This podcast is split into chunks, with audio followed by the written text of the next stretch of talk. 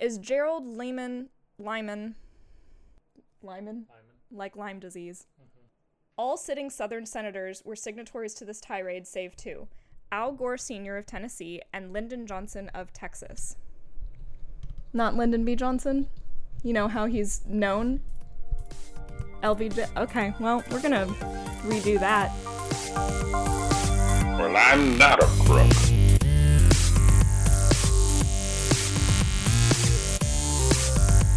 But because they are hard.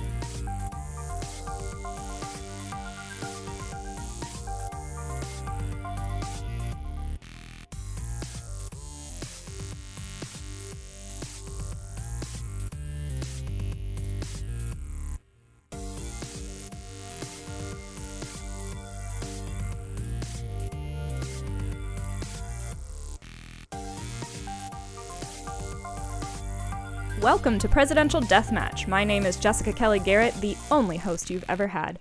Despite Dennis being in the Houston area this past weekend, Aaron and Dennis couldn't get their schedules together to record a podcast, and Aaron had a fancy medical procedure done called getting a camera stuck down his throat, so he's not in a position to chat right now. Aaron did some research, though, so I can tell you about the Dixiecrats. For whatever reason, they missed two of the candidates from this party when they divvied up the rest of the season, and now their failure is their own gain. Witness the embarrassing story of the Dixiecrats. The Dixiecrats, formerly known as the States' Rights Democratic Party, began, the dra- began in the grand tradition of all segregationist parties, wanting their own convention when the rest of the country stopped buying into their ideas for some reason. Following Harry True Dog Truman's executive order desegregating the military, Strom Thurmond and other Southern luminaries met to decide what to do of two reasonable options prevent their president, Truman, from getting electoral votes, or running a third party candidate to theoretically spoil the election in Dewey's favor. Their nine point platform's money statement was this We stand for the segregation of the races and the racial integrity of each race, the constitutional right to choose one's associates, to accept private employment without governmental interference, and to earn one's living in any lawful way. We oppose the elimination of segregation, the repeal of miscegenation statutes, the control of private employment by federal bureaucrats called for by the misnamed Civil Rights Program. The Dixiecrats' top prospect, Governor Laney of Arkansas, chose not to run, and so Thurmond was nominated after some convincing. This was a real get because Thurmond was considered a moderate on racial issues in the South. A moderate quoted as saying, The white people of the South are the greatest minority in this nation. They deserve consideration and understanding instead of the persecution of twisted propaganda. End quote. Thurmond would win four states in the election of 1948, but be unable to prevent a full Tru- Tru- Truman term. The Democratic Party worked fast to ensure such a break could not happen again, which included loyalty pledges to reseat several Southern delegates for future conventions. Because of this, the Dixiecrats did not put up much of a fight in 1956 and 60, and there were two more candidates for the party who we'll talk about now. The first was Thomas Coleman Andrews. He was born in Richmond, Virginia in 1899. He studied accounting, becoming America's youngest CPA at the age of 19, and worked as an accountant with the Navy and State Department during World War II. After the war, he founded and worked concurrently at many accounting or insurance based firms, and would attain his highest rank in government when he became the head of the IRS during Eisenhower's presidency. He left that position after two years, stating opposition to the income tax, which is a bit like Ray Kroc leaving McDonald's because he's become a vegetarian. This stance attracted the attention of conservative groups, and the states' rights Democrats nominated him for president in 1956 after Thurmond refused to be renominated. He lost, of course, doing his best in Virginia at 6% of the vote. In his later years, he would be a co founder of the John Birch Society, which we spoke about last week. Both his political career and segregationist views are overshadowed by his son T. Coleman Andrews Jr., who was a three time representative for Virginia. He left behind relatively few papers, and little is known of him due to lack of interest.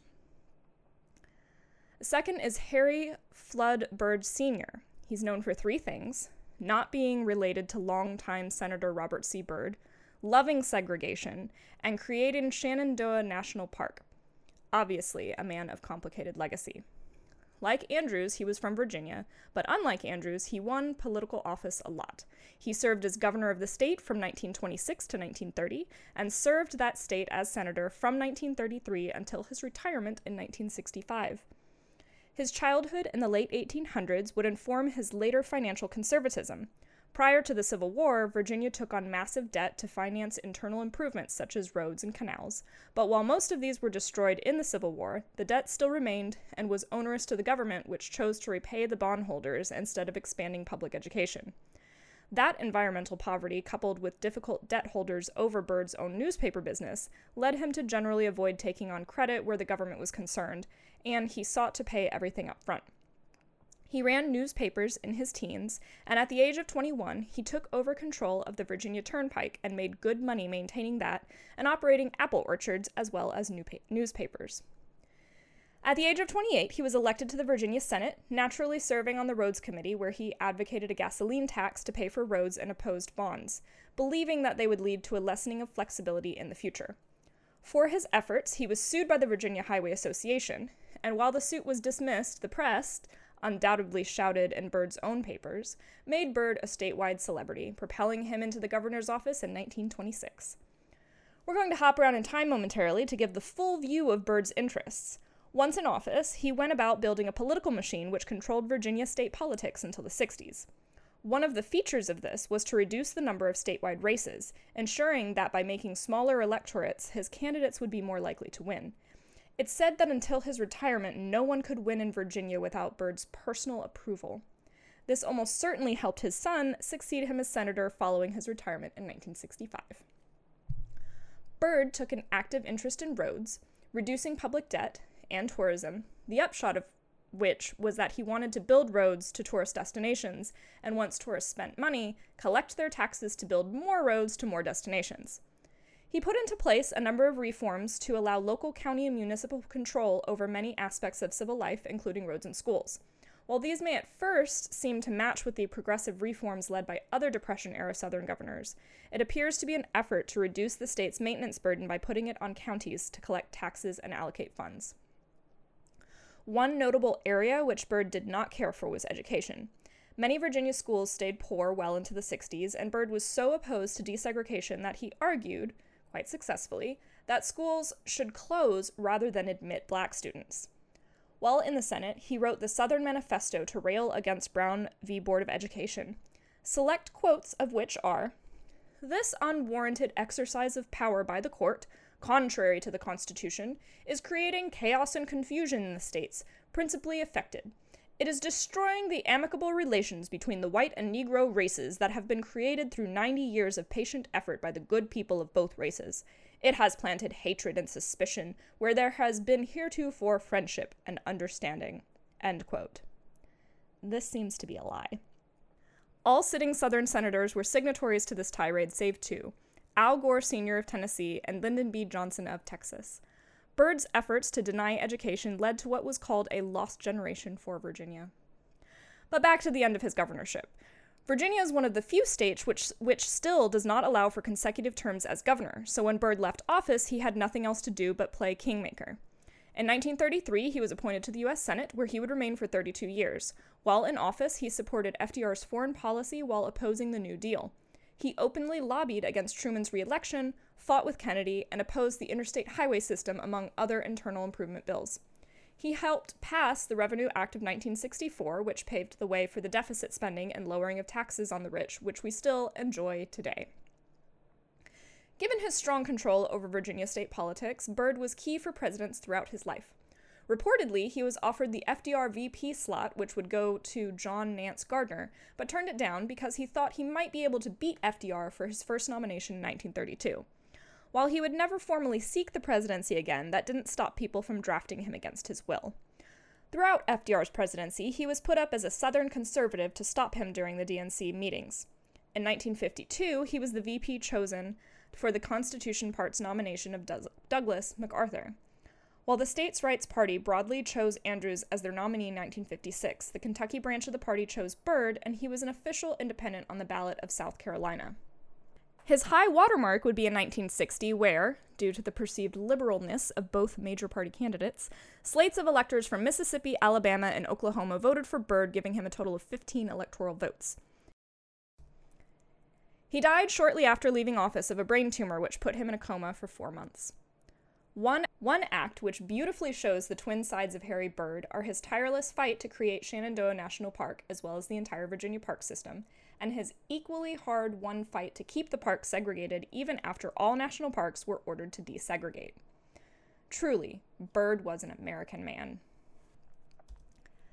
The final man we're going to talk to about today, because this is a rare episode of Presidential Deathmatch which features all male combatants, is Gerald Lyman Kenneth Smith, known variously as Gerald L.K. Smith, Gerald Smith, or Jerry Limey Kenny Smithman.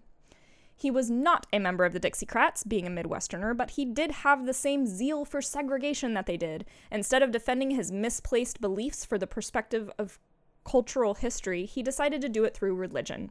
A fourth generation pastor, Smith was ordained at the age of 18 while still at university.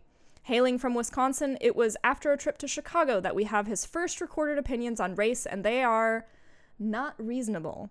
Writing to his parents, he said, When you see the white and black mixing, it is terrible. White girls dancing cheek to cheek with black men. It sickens one. End quote. Moving on to several congregations over his life, he eventually settled in Shreveport, Louisiana around the time of the 1929 stock market crash. It was there he befriended Huey Long, the 30s virile answer to Bernie Sanders. Long claimed that the Great Depression was Roosevelt's depression, a bold stance considering he didn't take office until three years after it started. Long advocated policy positions under the banner of Share Our Wealth, a laundry list of pleasurable outcomes which the progressives would still like today, such as guaranteed pension for all Americans old, older than 65 and a free college education. Sadly, Long was done in by politics' longtime nemesis, math. Economists widely said that Long's math didn't add up, and that putting his policies into action would bankrupt the nation. Luckily, Americans don't care for math either, and Long became enormously popular. After he became senator, half of all mail to the Senate was for him. Smith was put in charge of the vast network of regional clubs and took over the organization after Long was assassinated.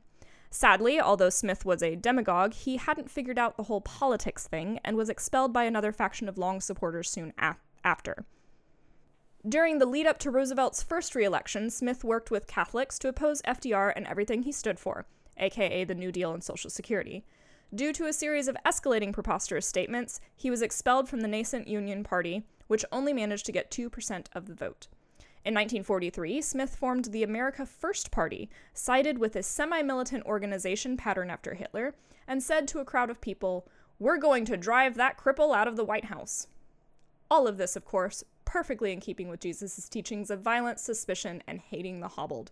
After all, if Jesus didn't hate the crippled, why did he heal so many of them? Smith ran for president three times. In 1944, as an American First candidate, votes mostly from Michigan.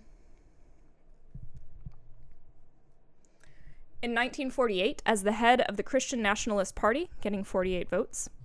And finally, in 1956, as a write in candidate in California, where he got 8 votes.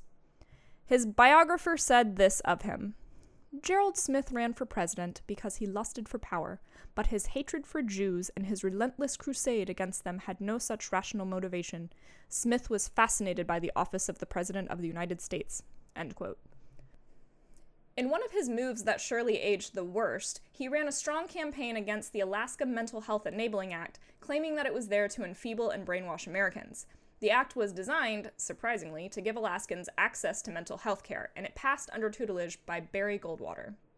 Luckily, the fur surrounding this did manage to have some staying power, as the arguments used by Smith were adopted by L. Ron Hubbard for Scientology's dislike of psychiatry. It is Smith's longest lasting legacy. He would die of pneumonia complications in 1976. He is buried next to a giant statue of Jesus Christ, and hymns are continuously played near the site a famously sane thing to demand. And that's all from us here at Presidential Deathmatch. Let's hope that Aaron and Dennis get back to it soon, or maybe not, since this episode certainly shows that they're a little bit expendable.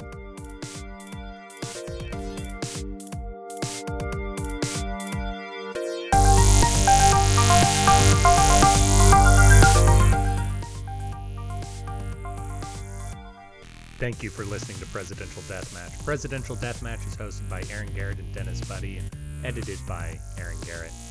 If you like the show, please consider giving us a review wherever it is. You can do that, we'd really appreciate it. If you didn't like listening to the show, well, why don't you come on back and give us another try? We really grow on you. If you want to reach out to us, you can do that at contact at pronoiatheater.com. You can also support the show in a variety of ways, including at pronoiatheater.com slash store. We hope you enjoyed it, and we hope to hear from you soon.